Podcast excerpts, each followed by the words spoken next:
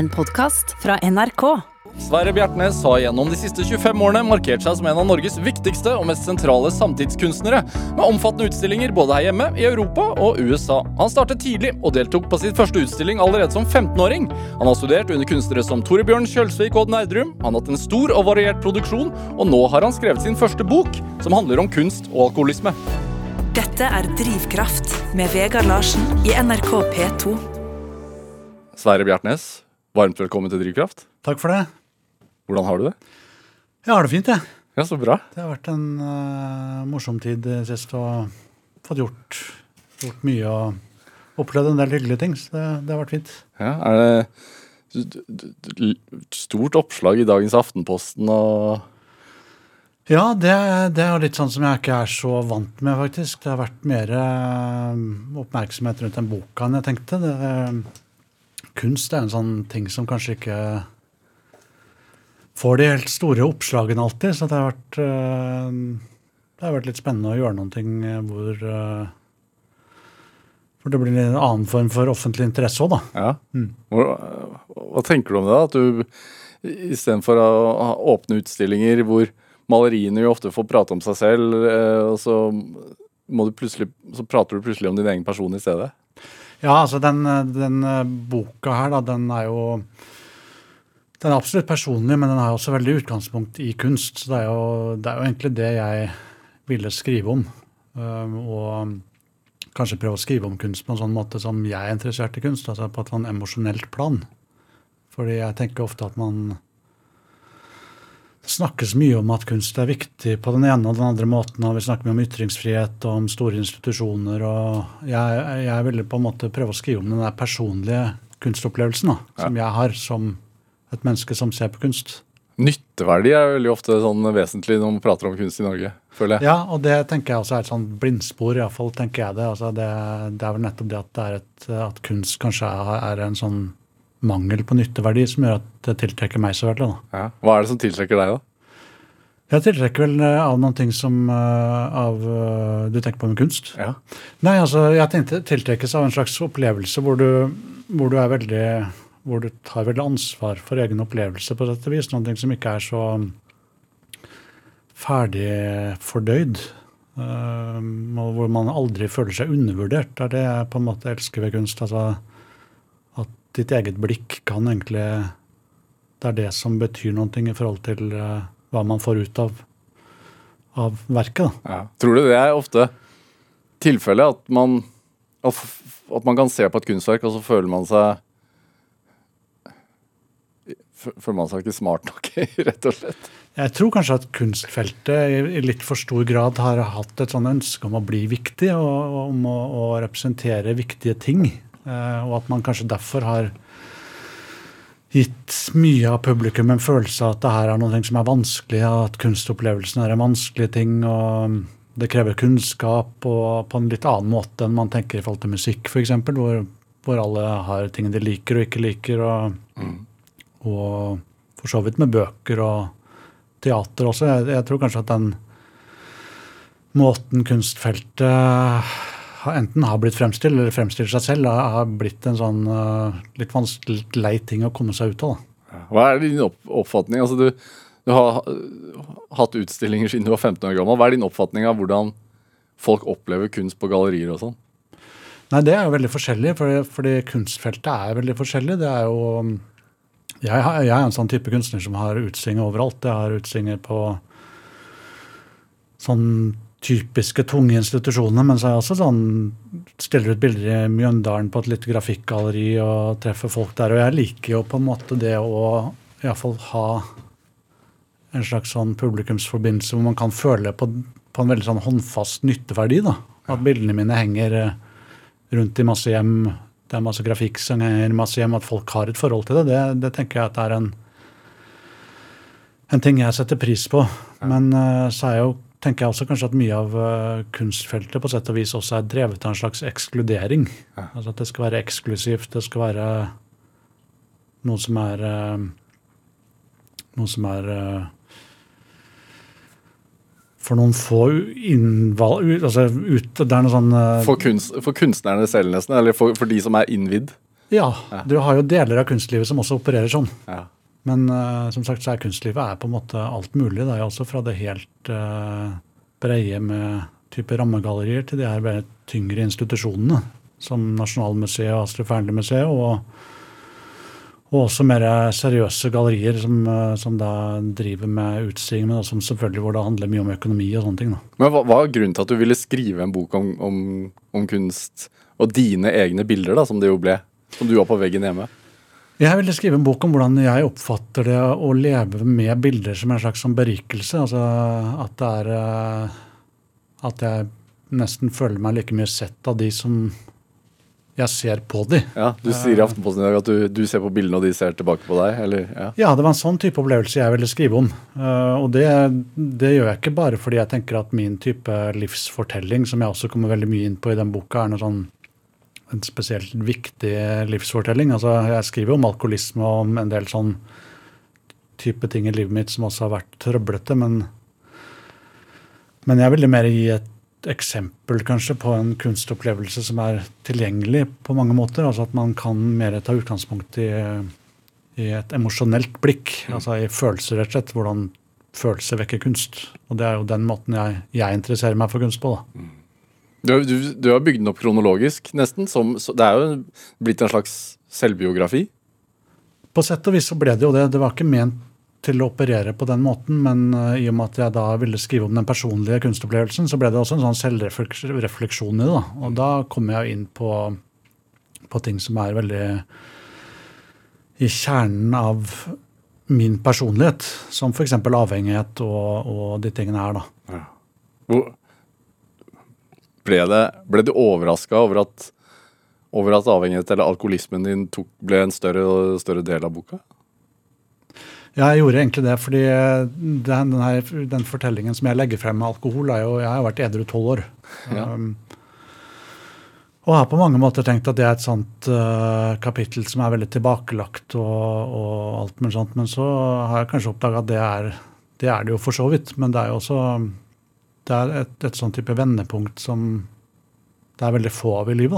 Da. Altså Det vendepunktet for meg blir iallfall noe som resten av livet mitt kretser litt rundt. Hvordan da? Sånn, nei, det er et før og etter. Uh, det har nesten blitt to forskjellige liv. Um, de 15 årene hvor jeg på en måte først begynte å drikke, og så endte opp med å bli å få et veldig sånn veldig tung form for alkoholisme, det, det prega livet i en sånn grad at det er eh, litt vanskelig å skjønne for meg selv et, i ettertid også. Og Så kom jeg meg ut av det, og så har plutselig livet mitt tatt en helt annen retning og blitt noe helt, noe helt totalt annet. da. Er det, det er, man, man sier vel at man, selv om man har sluttet å drikke og er blitt edru, så sier man vel fremdeles at man er alkoholiker? For meg så er det iallfall sånn. Ja. Det, jeg eh, har jo også vært litt sånn opptatt av at jeg, jeg er ikke noe sånn eh, Jeg anser ikke meg selv som noen sånn pedagogisk ekspert på det feltet her. Det, jeg, jeg tenker jo ikke at jeg har så mye å lære folk. Det er bare For min del så har det blitt sånn. Og hvis jeg oppgir den tanken, så er jo det noe jeg også er redd for. Um, jeg må på en måte velge det standpunktet hele tiden. Og det er kanskje noe jeg ville skrive litt om også, fordi det her narrativet med, med folk uh, i, som har rusproblemer og som kommer seg over de, det er et sånn veldig sånn ferdigtygd narrativ. Altså, man hadde problemer, så overmant man problemene, og så var det slutt, på en måte. Mens jeg ville kanskje si noe om hvordan det er å leve med med å ha det ti år tilbake også, at det fortsatt er en ting som er, for, er i forandring. da. Og, hva som er en sånn sterk del av identiteten min, på sett og vis. Og så er det også en litt sånn Jeg skal ikke si at det har vært en vond ting å skrive om det, for det er ikke det som er vondt. altså Å snakke om alkoholisme eller skrive om alkoholisme. Det er kanskje det at uh, hele det her uh, narrativet også kan bli litt sånn kleint. altså sånn, Du er billedkunstner, ja, du har drukket, og det er sånn Det stemmer for godt, liksom. Klisjé. Ja, det er, det er en klisjé, liksom. Hvorfor er det blitt sånn? Nei, det, det rare er jo at sånn er jo ikke billedkunstnere lenger. Det er, det er jo det er ikke sånn at billedkunstnere går rundt og står opp sent og drikker rødvin.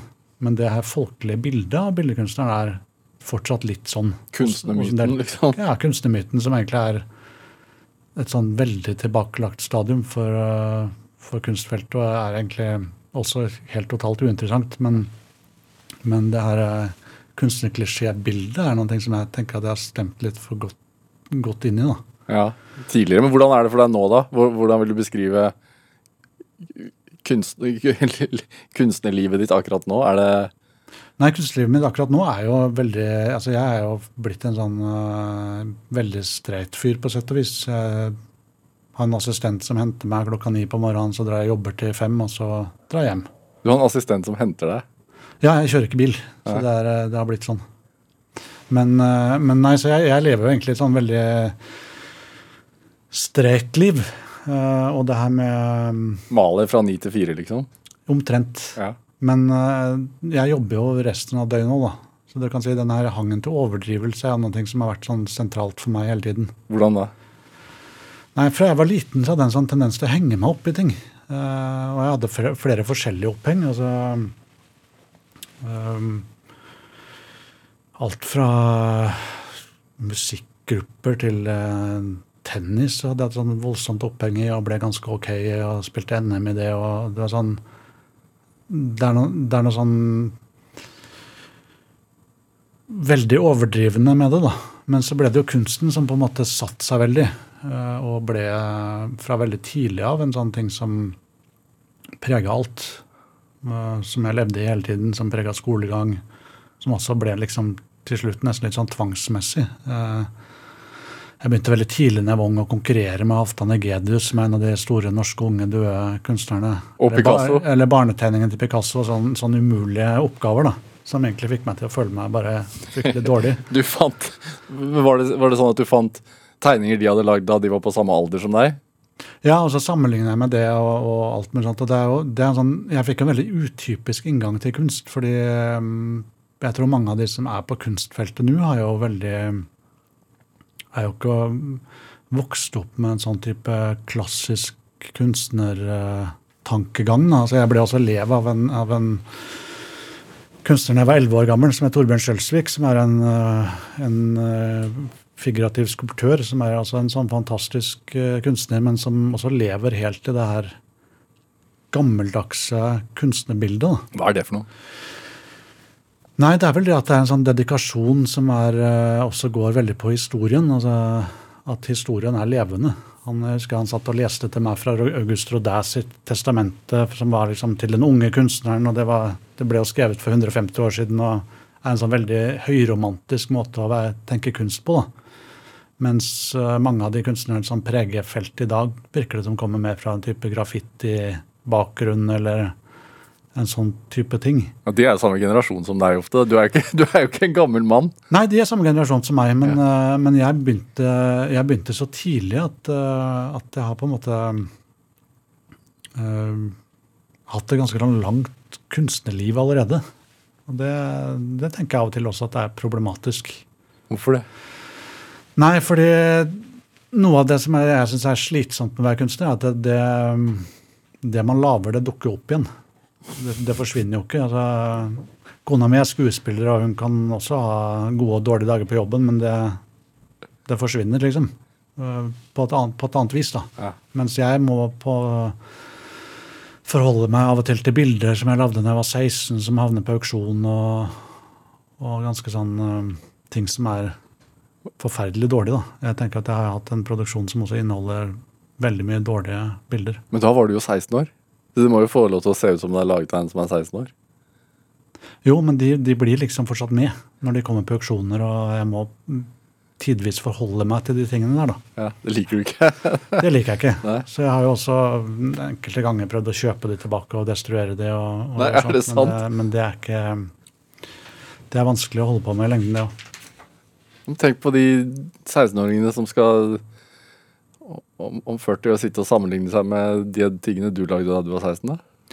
Ja, jeg har ikke noe sånn store, jeg har ikke noe stort tro på at det kommer til å skje, på sett og vis, men eh, Men eh, det er vel noen ting at man liker å tenke på på at man etterlater seg en sånn sum av arbeid, at den skal være mest mulig konsekvent og alt mulig sånt. Og det er ikke min sum av arbeid. Den er ekstremt inkonsekvent, også fordi at jeg får de her opphengene. Altså, Var det, var, unnskyld at jeg Men var det derfor også? Fordi jeg har lest boka di, og, og ganske tidlig der så så spør moren din, eller moren din sier til deg du må love meg Sverre, at du ikke blir alkoholiker. Ja, jeg, jeg flytta hjemmefra da jeg var 15-16 år gammel. Ja. Og det, det gjorde jeg etter å ha um, vært ekstremt insisterende på det. Eh, Jeg ville slutte skolen, jeg ville til Oslo, og jeg ville bli maler. Brant skolebøkene dine. Jeg brant skolebøkene mine og tenkte at nå skal jeg begynne livet, og nå skal jeg um, bli kunstmaler og flytte hjem til Odd Neidrum, som jeg hadde fått blitt invitert til. Ja. Og på den tiden der, når jeg var 15-16, så hadde jeg allerede begynt å drikke. Eller det, det um, hadde vært nok episoder til at kanskje moren min og familien min tenkte at det er, det er mulig at jeg har en reaksjon på alkohol som er for stor eller er annerledes. Um, så jeg tenker vel kanskje at familien min på sett og vis allerede da var litt bekymra for at det skulle skje, da. Selv om det er vanskelig for folk rundt å si noe definitivt om det, og spesielt om en 16-åring. altså I Trondheim på den tiden så er jo en sånn Den drikkekulturen er jo veldig vanlig, iallfall når jeg vokste opp. At man er 15-16 og det begynner å bli mye alkohol og og diverse dramatiske ting eh, bruker å skje. Det er en inntrykk at det, er, at det har roa seg ned litt. At ungdom er mer forsiktig kanskje med alkohol. Jeg er ikke sikker. Det vet ikke vi. Det vet ikke vi. Men på den tida iallfall så var det sånn Ja. Når man ble 15-16, da begynte man å drikke. ja. Og det, det husker jeg at det skjedde sånn rundt en uh, sommer. Og den sommeren ble for meg som en slags uh, Woodstock-opplevelse. Ute, være ute og drikke og musikk og få kjæreste for første gang. og Det var på en måte, det ble en sånn Den sommeren ble en sånn uh, følelse av at livet starta. da. Um, og på den tiden der hadde jeg allerede kontakt med Nerdrum og, og hadde fått gjort en avtale med han at nå flytter jeg hjem til han og blir boende i kjelleren som en av hans elever. da. Hva slags følelse var altså var det en Fylte det et hva skal man si, et tomrom i deg som allerede da, eller hvordan var det? Med å drikke. Ja, Siden du ja, følte ja, det er vel, det som en sånn eh, altoppslukende Jeg følte meg vel sånn helt på et annet vis. da. Jeg må vel også, sånn I ettertid må jeg vel tenke at jeg egentlig må ha vært veldig sånn usikker ehm, på veldig mye ting. Også i forhold til, til det kanskje i forhold til til min egen uh,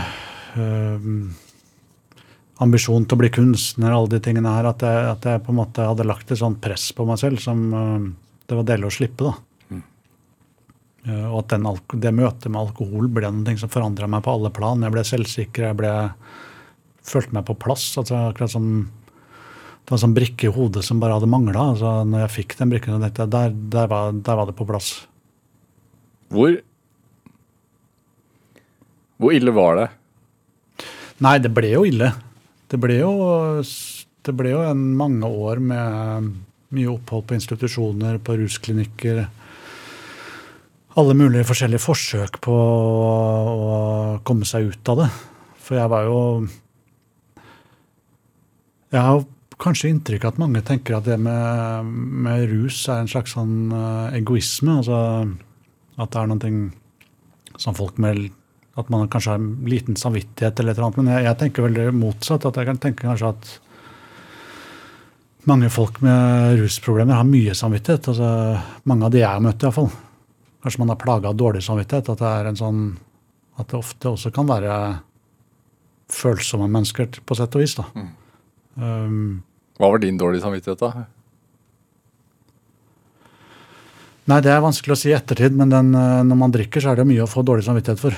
For, sånn, for det skjer jo ting, og det er jo man rot, eller ja, For jeg rota jo til alt. altså Det, ble det prega jo alt. Det prega Jeg havna i økonomiske problemer. Det ble liksom problemer i alle mulige relasjoner. Alt ble veldig ble veldig rotete. Og så hadde jeg på en måte det der halmstrået likevel, det med at jeg var også kunstner, og det her passa veldig godt inn i den der klisjeen vi snakka om. Så jeg, jeg trøsta meg jo på sett og vis med, den, med det òg, da. Og følte en slags sånn betydelighet i det. Altså, det ble en dobbel bekreftelse. Um, som tok tid å komme seg ut av, da. Du drakk uh, siste gang i, i, i 2008. Ja. Hva skjedde da, den dagen? Nei, det var egentlig en veldig rar uh, opplevelse, fordi jeg hadde jo prøvd å, å, å, mm, legge meg inn til behandling veldig mange ganger før. Uh, og det hadde alltid blitt mislykka. Det hadde liksom gått noen uker eller dager ofte, eller sånn. Og så hadde jo jeg fått en følelse at nå var det greit, liksom. Og så hadde jeg begynt igjen, eller jeg hadde blitt øh, opplevd noe annet som satte meg i gang med drikkingen. Men den, den dagen øh, når jeg våkna opp øh, Jeg våkna opp på den klinikken, og det var en sånn sånn det var et, noen venner av meg som hadde kjørt meg dit og bare nesten lagt meg på dørterskelen der, og, og der ble jeg lagt inn. da. Og så våkner jeg bare av et sånt brak av at en mann i siderommet har løpt inn i veggen og og under et delirium og tenker at han er på tog, da må komme av det toget.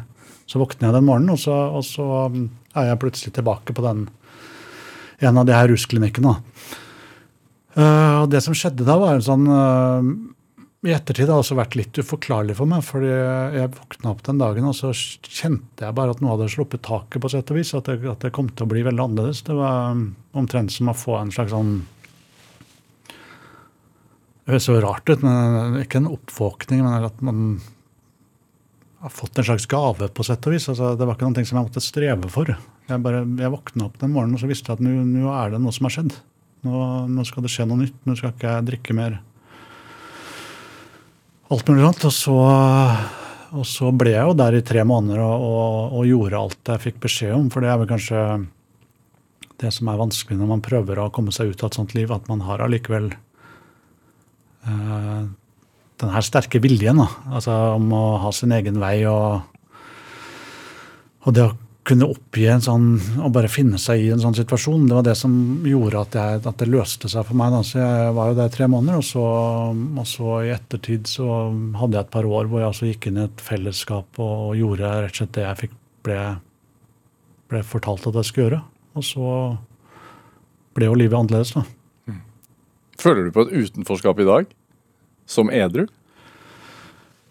Jeg kjenner i enkelte situasjoner på et utenforskap, og det er, uh, det er litt vanskelig å forklare. fordi jeg snakker ofte med folk, og så er jo de også av og til opptatt av at jeg ikke drikker. og Ofte på fester og sånn vil jo folk gjerne snakke om det. og ja, du drikker jo ikke, og, og så er det sånn ja, Jeg har jo også vært edru på fest, og ja, det gikk jo fint. Men det er noe annet, fordi når man aldri kan ta del i det, da.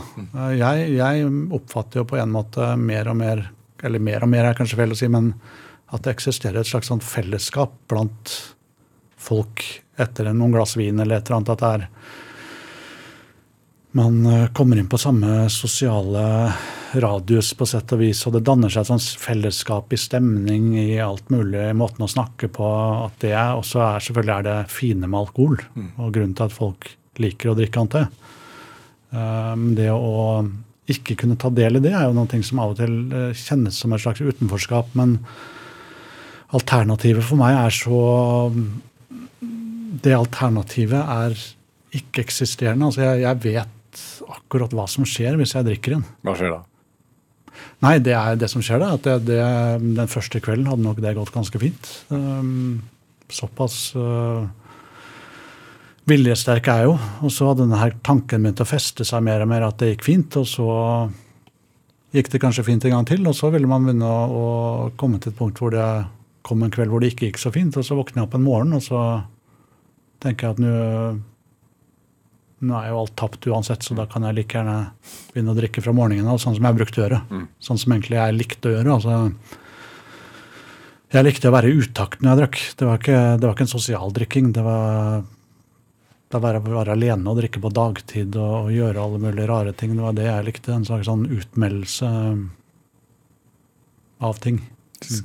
Hva med skapelsen, da? Det, ser du noe forskjell på bildene du lager? Jeg ser forskjell på bildene herover, og jeg, selv tenker jo at jeg har blitt en bedre kunstner. Men jeg tenker også at jeg gjorde ting på den tiden hvor jeg også gjorde bra ting. Og, og at noe av den den kompromissløsheten som skal til for å leve på den måten jeg levde, og så kanskje beplanta seg i bildene av og til. da. Men så førte det også til at jeg hadde perioder hvor jeg gjorde fryktelig med dårlige ting. Fordi um, jeg trengte jo alltid penger, f.eks. Altså, jeg hadde et helt annet forhold til økonomi. Jeg kasta jo bort penger, og det, det, var, det, var, på en måte alt ble rota til. Så det førte til at plutselig måtte man måtte gjøre bilder også for å tjene penger. og Det var en sånn Det rota til alt, da. Men uh, jeg tenker jo stort sett at jeg har uh, blitt mye bedre etter jeg slutta å drikke. Og jeg håper også det fortsetter, på sett og vis, at jeg greier å Er det overraskende? Nei, for meg er det ikke overraskende i det hele tatt. Det er, eh, jeg, jeg, jeg, har veldig lite tro på rus og kreativitet som, som sådan. Altså, jeg, jeg, tror kanskje det kan eksistere, kanskje innenfor musikk eller, eller sånn type ting hvor, man, hvor det er veldig sånn intuitiv ting som skal skje der og da. Så får man en frigjort, genialt innfall eller et eller annet sånt, kanskje. Men maleri er en sånn veldig edruelig ting å holde på med. Det er, det er vanskelig å kombinere med rus. Vi må snakke om, eh, om, kunsten din også, Bjartnes, ikke bare om avhengigheten. Selv, ja, ja. selv, om kunsten kanskje er en avhengighet, det også. Men, men, først så skal vi høre litt musikk. Du har med en Tom Petty-låt, 'Climb That Hill'. Hvorfor det?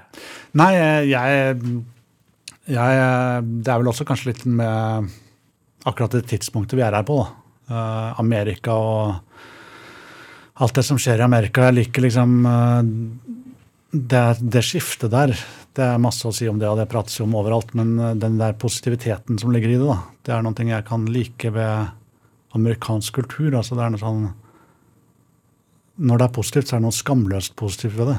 Uh, og det er det liker jeg også ved sånn som Tom Petty, f.eks. Altså at det er en sånn en enkel melding, liksom. Ja. Det er veldig rett frem og veldig Ja. Hva, hva føler du når du hører låtene? Nei, Jeg føler vel akkurat det. Jeg føler at det er eh, noe fint ved noe som er eh, såpass, eh, en såpass sånn, bare en direkte melding og en fengende låt som Jeg hører jo mye på musikk, også når jeg maler. Ja.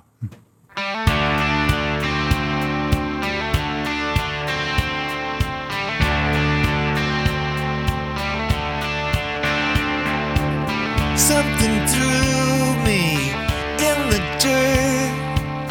Kinda got my feelings hurt.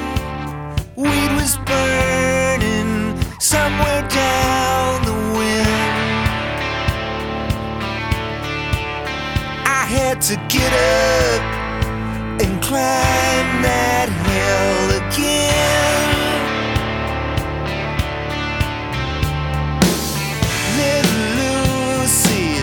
such a doll like a climber, garden wall. But she only sees me as a friend. I got to get up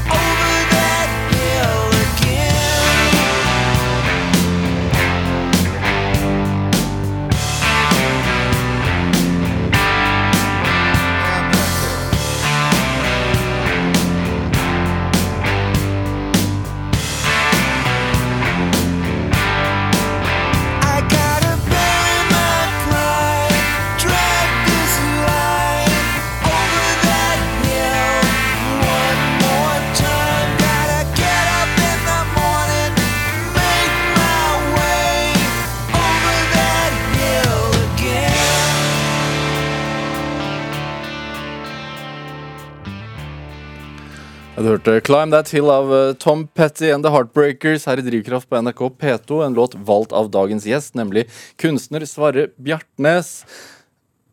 Du har sett Tom Petty live? Ja, jeg, mm, før alt stengte ned og sånn, så hadde jeg, begynte jeg og svigerfaren min å, å, reise og se, og noen andre i familien å begynne å, reise på konserter. Og se noen av de her store man burde se. da. Så da fikk vi sett Tom Petty ikke lenge før han døde. Er, det- hvor, hvor, du sa at du hører på musikk når du maler. Ja, jeg har ganske sånn aktivt forhold til musikk. Jeg bruker musikk ofte, og, og, har alltid også vært litt sånn på samme måte som med kunst, så hører jeg med på mye forskjellig musikk. Men, øh, men øh, Men øh, det har egentlig vært med meg hele tiden, det der med musikk. Hva fører det til, da? For, har det noe å si på liksom Nei, det, det fører jo til mye, fordi jeg tenker jo alle estetiske uttrykk øh, er det en slags ting å hente ut av. altså Det kommer jo an på hvordan man hører på ting. og Jeg, jeg syns det er interessant f.eks. med rock, som egentlig er er fjernt fra maleri, vil jo de fleste si, men uh, hvordan f.eks. Uh, rock også har et sånn veldig forpliktende forhold til innhold, da, syns jeg er interessant. Uh, og hvordan forskjellige musikere stiller seg til det, eller hvordan f.eks. Bob Dylan, som en annen musiker er veldig opptatt av, hvordan han og bruker seg selv på en helt annen måte enn Petty f.eks. Jeg, jeg er jo Jeg liker jo å, tenke på sånne ting, da. i for, Liker du å tenke på det i forhold til det, hvordan du selv er som kunstner også? Ja, i hvilken grad man skal være personlig, kanskje, eller i hvilken grad man skal være, bare la ting flyte gjennom seg selv. Altså, jeg er jo på sett og vis en veldig sånn bevisst kunstner, og det har jo alltid irritert meg til en viss grad. Altså, Hvorfor det? nei, fordi jeg ser på, altså, på en kunstner som Bjarne, for eksempel, som jeg kjenner godt av, Bjarne Melgaard, og, og jeg har alltid tenkt på han at er sånn øh, At han opptrer som en slags sånn øh, orakel, at ting flyter igjennom, og så kommer det ut som en, på en veldig sånn selvsagt måte. Da, at det ikke tenkes hele tiden. At jeg, jeg tenker at Underbevisstheten kommer frem på bildet, nesten. Ikke bare underbevisstheten, men, eh, men også sånne ting som skjer i samfunnet. Alt får sin naturlige plass. da. Humor får sin naturlige plass, f.eks. Eller um, diskusjoner som alle forholder seg til. altså alt, uh, at, man blir, at en kunstner som han blir et slags møtepunkt. da, Det syns jeg er veldig fascinerende med hans kunstnerskap. Um, I motsetning til mitt, som er mer sånn introvert og, og gjennomtenkt. da, At det kanskje er eh, noe jeg har prøvd å å lære av han, f.eks. Ja. Altså ikke nødvendigvis alltid stille så store krav til å vite hva ting skal bety hele tiden. eh, At det, at det fins noen ting som ikke er så um, så avklart, på sett og vis. Du, du skriver i boka di at en av dine største frykter opp igjennom har vært at du som kunstner har imitert kunst. Ja, jeg, den der frykten der kom jo veldig tidlig hos meg. fordi jeg hadde den her ideen om å være kunstner, og, og liksom noen er det, og noen er ikke det. og... Hvor kom, hvor kom det fra? Det er jeg ikke helt sikker på, men det er vel for den her oppveksten med, med kunsthistorie som jeg ble veldig interessert i veldig tidlig. da. Og I kunsthistorien får man jo presentert det her bildet av de her kunstnerne og, og det er veldig kjernefulle vesenet som er eh, kompromissløst, og som er eh, en sånn fast form. da. Mens jeg eh, på en måte har følt meg mer som en sånn flytende form. og Identitet har jeg tenkt det er noe som har skifta veldig hos meg. Det er sånn det der med at jeg er veldig altså jeg lar meg lett begeistre. Jeg lar meg lett begeistre av andres kunst. øh, og det tar jeg litt sånn Det blir helt naturlig bare tatt opp i meg. Um, på en måte som bekymrer meg av og til, da. Hvorfor det? Nei, for man er jo redd for at man står og etterligner eller gjør seg til eller uh, sånn type ting. Altså, jeg vil jo gjerne også Det er litt sånn det er en litt sånn kamp som jeg har gående der. fordi På den ene side så er jeg også veldig opptatt av å ikke bare stille meg opp et sted og beskytte den plassen. Altså å tvinge meg selv til å lage én type bilder og, som alle kjenner igjen, og, og på en måte bare insistere på det, det tenker jeg også at det er noe syntetisk over. da. Mm. På den annen side vil jeg heller ikke bli så flytende i formen at det på en måte bare er At det bare blir ingenting heller. Eh, Så det er, det er det spenningsfeltet jeg hele tiden har, har, har malt, tenker jeg. Og derfor har også mitt kunstnerskap kanskje forandra seg veldig i, i stor grad. eh, Kanskje mer enn det som er vanlig. Og det, er villet, eh, det har vært en villet prosess. Når jeg gikk på 90-tallet på, 90 på Akademiet, når jeg gikk der, så var det jo det synet man hadde på f.eks. på en kunstnerisk håndskrift og det å gjøre det samme år etter år, det var det at det var en kommersiell ting. Eh, at det var en eh, litt sånn uglesetting. da, At man hadde gjort noe for å tilpasse seg et marked, på sett og vis. Mens nå er idealet skifta litt. Så nå er det jo mer sånn at man tenker at de kunstnerskapene som har stått i det samme i alle år, og malt nesten det samme bildet i alle år, at det er fordypelse, at det er integritet. Mm. Så det, det, skiftet der er jeg interessert i også, fordi man opp gjennom kunsthistorien ser så mange Når man begynner å se etter, da, så ser man jo også at det er mange kunstnere som har levd enten med to eller flere forskjellige sånne identitetsløp. Mm. F.eks. Jakob Weidemann, som jeg er veldig opptatt av. Han hadde jo en masse år opp til han ble på min alder, hvor han malte veldig forskjellige bilder. og Det ene øyeblikket så han ut som Picasso, og i det andre malte han landskaper utendørs. Og så samla alt seg, da rundt sånn 40-50-årsalderen. Eller så har du sånn som, som du tidlig ikke lærer hos da, Torbjørn Kjølsvik, som du beskriver i boka di, som har gjort det samme Som har gjort det samme, på, og det, også, det har han også gjort helt sånn på tvers av tida. altså Det idealet han etterstreber, har jo aldri vært i tida. Altså mens vi har holdt på, da. Og det har jeg, må jeg si at jeg har veldig beundring for. Er det? Ehm, det at det, er, at det, at det finnes kunstnere som er helt sånn kompromissløse på det de, det de selv elsker, liksom. Det, det, har jeg også beundring for. Ja. Er, altså, du er fra Steinan? Eller Steinan, eller Steinan? Steinåsen. Ja, Steinåsen. Ja, Steinan. Mm. Ut, Utafor Trondheim. Mm. Er, moren og faren din, altså moren din eh, keram, drev med litt keramikk? Ja, Moren min jo, har jo vært uh, keramikklærer og keramiker. Ja. Tror du det kreative kommer derfra? Ja, altså Moren min var jo, var jo tidlig uh, veldig flink til å sitte og tegne med oss og, og, veldig oppmuntrende i forhold til kunst. Og vi hadde et hjem hvor det var en del kunst. og Også faren min, som er lege, han uh, var jo også veldig sånn engasjert i dette. her, og Vi begynte på malekurs sammen da jeg var elleve. og Jeg ble også veldig oppmuntra hjemmefra, det må jeg si. Ja, du, Faren din og, og, og, og Kjølsvik, som jo du gikk i lære hos i starten, dere dro til London da du var ganske ung for å ja, Vi dro til National Gallery for å stå og kopiere Rembrandt. og det var en sånn... Da du var 13 år gammel? Ja. Det var sånn typisk sånn, eh, eller Veldig utypisk, på sett og vis, men det er en måte å, å lære seg å male på. da, Stå og kopiere gamle mestere, sånn type ting. Jeg, jeg ble skolert på den måten, da, mm. gjennom Skjølsvik og etterpå også på sett og vis gjennom Neidrum, selv om han er en mer er en mer um, komplisert kunstner å analysere, sånn sett.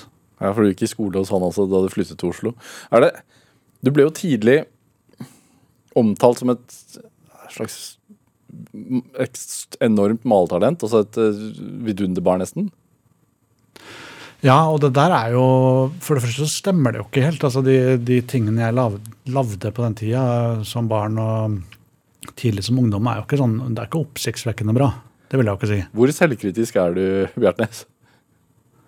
Nei, jeg, jeg er jo jeg, jeg, tror jeg, jeg, tror jeg er sunt selvkritisk. Okay. Altså, jeg er mer bekymra for at jeg ikke er selvkritisk nok. Det er sånn Jeg har også øyeblikk hvor jeg føler meg for komfortabel i det jeg gjør.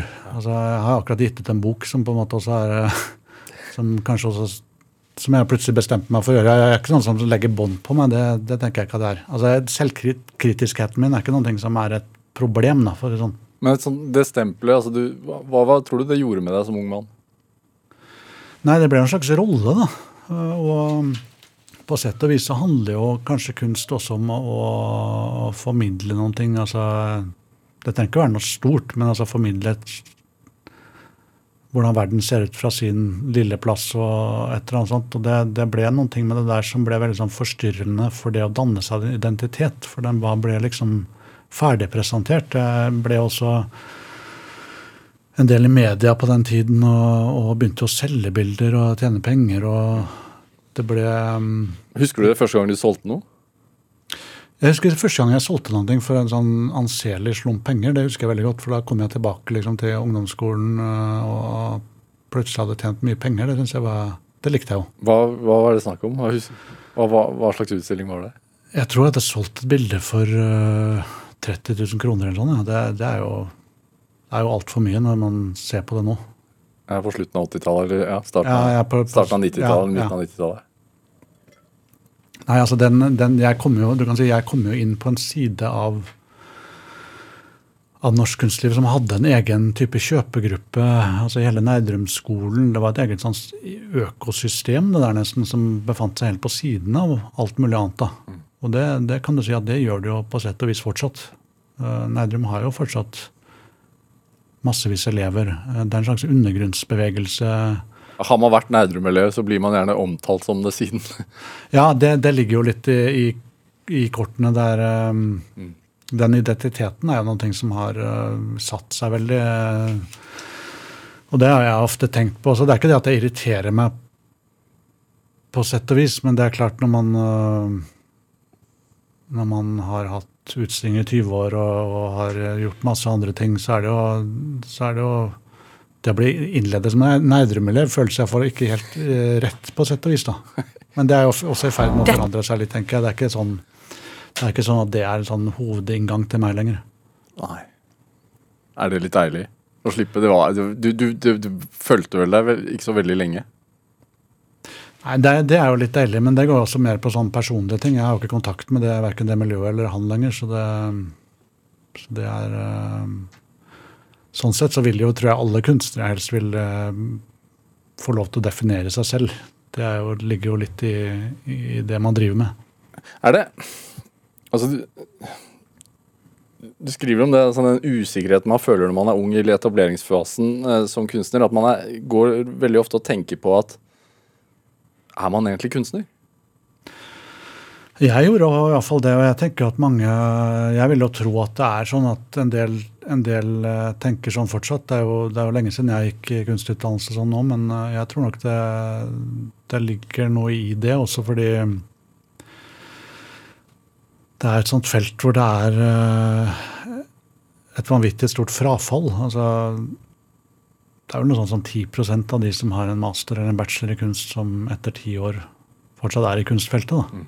Men mange går jo kanskje over i andre roller, altså som skriver om kunst eller et eller annet sånt. Så den, den der følelsen av å Man må på sett og vis så må man bare insistere på det. Ellers så blir det umulig å gjøre noen ting. Men er det er frafallet pga. at det er for vanskelig å overleve økonomisk, eller hva?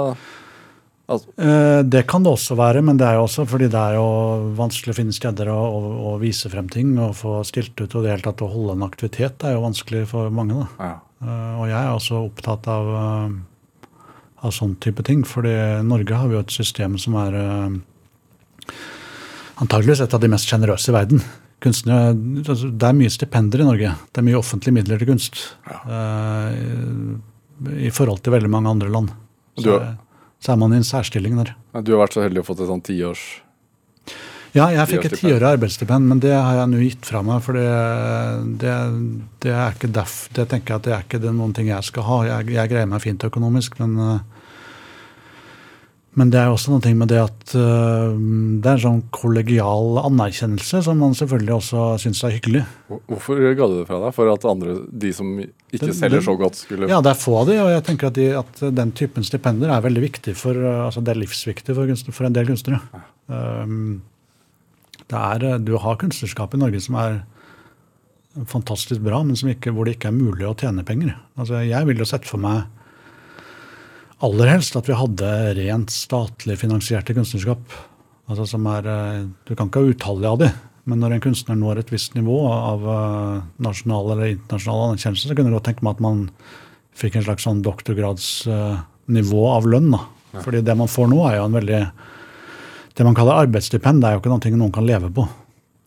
Så, så du får eh, mye kunstnere som får det vanskelig, selv om de har de høyeste stipendene man kan få. da. Hvor mye er det snakk om? Det er vel ca. 260 000 i året. Ja. Så det er jo ikke noe å drifte et liv på, for å si det sånn. Er hvert fall et da, da, har du ikke, da må du bo på atelieret, si. Ja, og, og mm, Nei, altså jeg, jeg valgte jo på en måte å tre ut av den ordningen fordi jeg, jeg føler meg overprivilegert på alle mulige måter, så det, det er ikke nødvendig at jeg skal oppta det akkurat det. Dette er Drivkraft med Vegard Larsen i NRK P2. Og I dag er kunstneren Sverre Bjertnæs her hos meg i Drivkraft på NRK P2. Hvordan Når du lager et verk, Mm. hvor, hvor, hvor begynner du? Nei, Det er jo mye av, eh, av det der man, eller jeg prøver å finne ut av hele tiden. Og der har jeg hatt masse forskjellige innganger gjennom veldig mange forskjellige år. da. Så akkurat nå har jeg en måte hvor jeg, hvor jeg mm, begynner på et verk rett og slett ved at jeg bare begynner med abstrakte farveflater og stofflighet og sånn type ting, og så gror det frem et motiv etter hvert. Du har ikke noe tanke på forhånd? Nei, ikke akkurat nå, for jeg, jeg har lyst til å prøve å komme frem til en måte å jobbe på hvor jeg er motivert hele tiden. Og jeg har hatt så mange år hvor jeg har uh, hatt motiver som jeg har enten tenkt ut eller hatt sånn klart bilde av hvordan det skal se ut til slutt, og bli stående og etterligne den ideen. da. Så jeg prøver å legge opp en måte å jobbe med maleri på som er aktiv under hele prosessen. Ja. Um, så det har forandra seg veldig. Jeg, har jobba med alt mulig, fra å stå og bruke levende modeller til å male til fotografier, til å gjøre installasjoner med film og teater og skulptur og alt mulig sånt. Nå ender jeg vel mer opp med, med å gå helt tilbake til det jeg begynte med, da, med et rent maleri, og prøve å finne ut hva, enda mer om hva jeg vil med det. Hvordan vet du at du er ferdig da? da? Med et maleri? Ja. Nei, altså De aller fleste malerier blir også litt sånn gitt opp, på sett og vis. Altså, det er, Du blir ikke eh, ferdig, du bare gir det opp? Ja, på sett og vis. For det kan jo det kan jo for så vidt holde på i all evighet. Og det er ikke nødvendigvis sånn at det blir bedre. Jeg, jeg tenker at eh, et maleri har et sånt eh, livsløp, på sett og vis. Da, altså, og så er det en slags sånn komponering av av alle de her trinnene. Og noen ganger så klaffer det, og så går det veldig fort, og så blir det veldig bra. Eller så går det sakte, og så blir det bra. Eller så går det sakte, og så blir det dårlig. Det er liksom en veldig veldig uforutsigbar eh, ting for meg, for min del. Men bra eller dårlig, altså Håper du at de som ser øh, maleriene dine hva, hva håper du at de, de skal Håper du at de skal føle noe, eller at de skal forstå noe? At det skal Nei, jeg håper at de skal føle noe, og det, det er jo altså den her, eh, Man kan kanskje kalle det en slags sånn romantisk inngang til kunst, som jeg alltid har hatt. Den, den er der fortsatt. altså Jeg vil eh, Jeg opplever selv kunst på en emosjonell måte. Det er, det er sånn jeg ser på kunst. eh, Og, og derfor er jeg altså nødt til å motivere maleriene mine med noen ting. Um, enten med noe personlig, som jeg har gjort veldig mye. eh, En personlig fortelling, enten det er om rus eller om å møte kona mi eller hva som helst. Men når verket er ferdig, så er ideen at det er lada med mine følelser. Men, men det er ikke Sluttpoenget er liksom at når du ser det, f.eks., så tenker jeg at det kan oppstå følelser i deg fordi det er malt med, følelser. med følelser, på sett og vis. Så det er en sånn øh, Jeg håper jo det, at folk føler noen ting. Fordi noe av det som jeg øh, ikke er så interessert i, det er sånn fremleggelse av informasjon. For det er øh, også en måte å drive med kunst på, at du finner frem interessant informasjon, så viser du frem den informasjonen. Um, enten det er om politikk eller om et uh, rart lite element av politikk, eller at det viser frem et eller annet aktuelt tema. Da.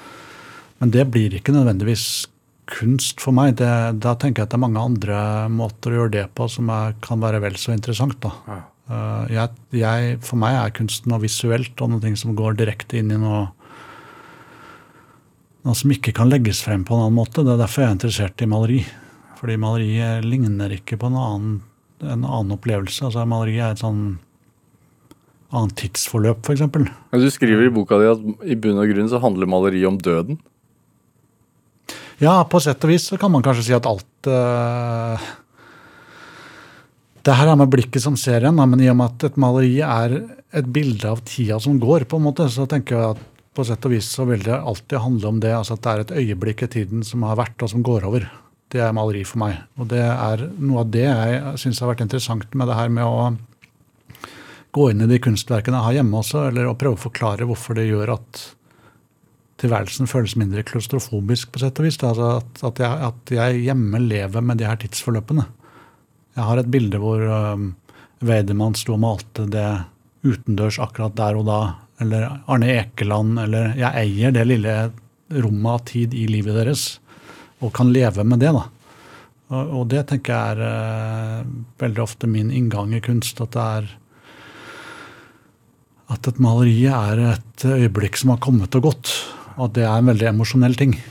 Som man på sett og vis kan si at handler om døden. Uh, at uh, at um, ting kommer og går.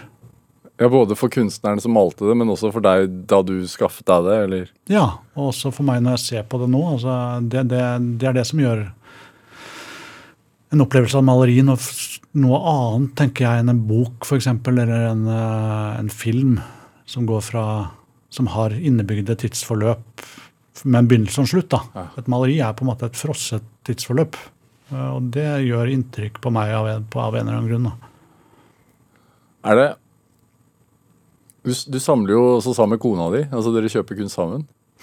Er det en, er det en altså Gir det kunsten større verdi i, et, i ettertid?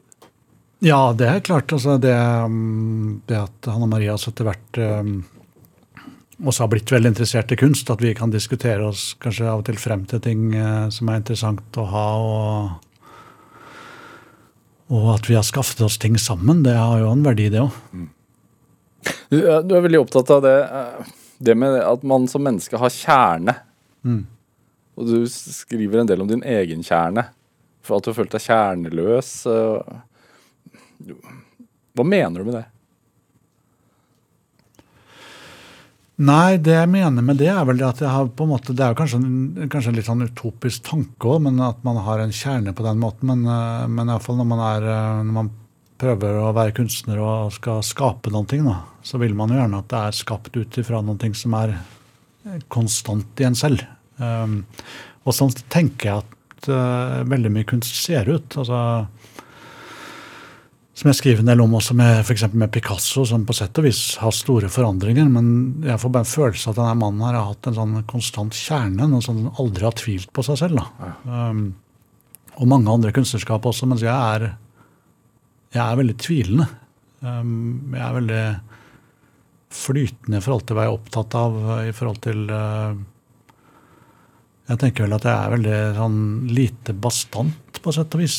Uh, og det, det, er jo også derfor min sånn kunstreise har blitt så merkverdig også. altså Fra å starte hos Torbjørn Skjølsvik og Odd Eidrum til å ende opp med å samarbeide med Arne Lygerøv og, og Bjørne Melgaard, f.eks. Der det spennet eksisterer veldig sjeldent hos folk. fordi jeg har inntrykk av at mange på en måte bestemmer seg for noe, og så blir i det på et annet vis. Da. Det har jeg alltid hatt problemer med. Så jeg, jeg, føler vel med kanskje at jeg nå begynner å komme til det standpunktet hvor jeg kan bli det.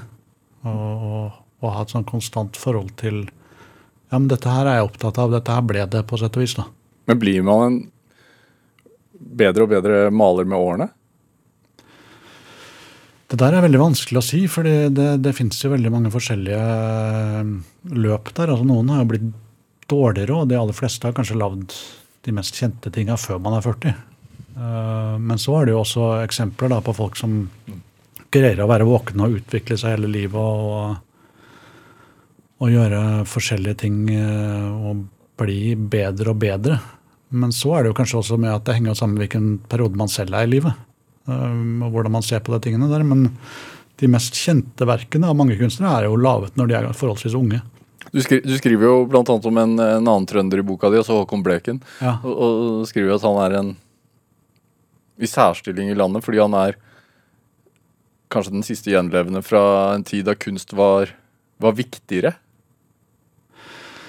Ja, altså jeg tenker at det har skjedd et skifte i, i, i, kunsten, men det er jo Det går jo på veldig mange forskjellige ting. Altså jeg, de 25 åra jeg har holdt på, for eksempel, så har man hatt en sånn veldig nedbygging av kunst i offentlig i en offentlig, et slags sånn offentlighetsrom. Da. Mm. Eh, det skrives mye mindre om kunst. Eh, det er mindre kritikker, det er mindre diskusjoner. Jeg tror også at uh, går man tilbake til min foreldres generasjon, så hadde de også et forhold til eh, noen kunstnere som en type folkeøye. Altså Frans Widerberg kanskje, eller Håkon Bleken eller Knut Rose. Det var en, sånn, det var en annen type um, kontakt. da. Uh, og der er kanskje Håkon Bleken en sånn siste gjenlevende fra den måten å tenke kunst på. fordi med min generasjon så har jo alt selvfølgelig blitt veldig internasjonalt. Du har eh, internett, alle kan se hva alle gjør til enhver tid. Eh, det betyr mye mer på en måte å nå frem til veldig på veldig små, rare plattformer i andre land. Eh, det er en annen type Lokaliteten i det har forsvunnet, tenker jeg. Du, hva tenker du om at du kanskje blir folkeeie selv, da? Nei, altså jeg har jo på en måte Det er jo jeg har jo villet gå den veien. altså Jeg har villet uh, f.eks. jobbe med trykk, uh, som også er, uh, iallfall har vært en sånn Noe, noe som har blitt litt sett ned på, på sett og vis. Da, for det er jo det er jo en slags sånn, det er ikke en masseproduksjon heller, men det er iallfall noe som er tilgjengelig for veldig mange. Og, og, jeg tenker at det er en ting jeg setter pris på. Da, at folk vil ha bildene mine hjemme. At det, at det, at det er en sånn Iallfall at det er noe klar nytteverdi i det. Mm. Uh, det man driver med. At, det, at man iallfall kan bidra til det. Eller, så jeg har på en måte omfavna det litt. Hva tenker du er drivkraften din, Bjartnes? Drivkraften min uh, er uh, Ja, det er jo vanskelig å si som sådan, men den, den, den, er egentlig det samme som den var når jeg var, når jeg var 11, når det gjelder kunst, iallfall. Det her med, med å å forstå kunst i enda større grad. og Føle at man behersker noen ting og få en renere stemme, kanskje. Altså, det er vel stort sett drivkraften min. Tusen takk for at du kom hit til Drivkraft. Takk. Hør eh, flere samtaler i Drivkraft på NRK på nett, eller last oss ned som podkast. Send oss også gjerne ris og ros og tips til mennesker du mener har drivkraft. Send en e-posten til drivkraft.krøllalfa nrk.no. Følg oss også gjerne på Instagram på NRK-Larsen, der du har en bildeoversikt over alle som har vært gjest i dette studioet. Eh, produsent i dag er Pål Arvid Jørgensen. Eh, researcher i dag var Julia Martinczyk. Anne Sofie Stang bidro også sterkt til denne sendingen. Jeg heter Vegard Larsen. Vi høres. Du har hørt en podkast fra NRK. Hør flere podkaster og din NRK-kanal i appen NRK Radio.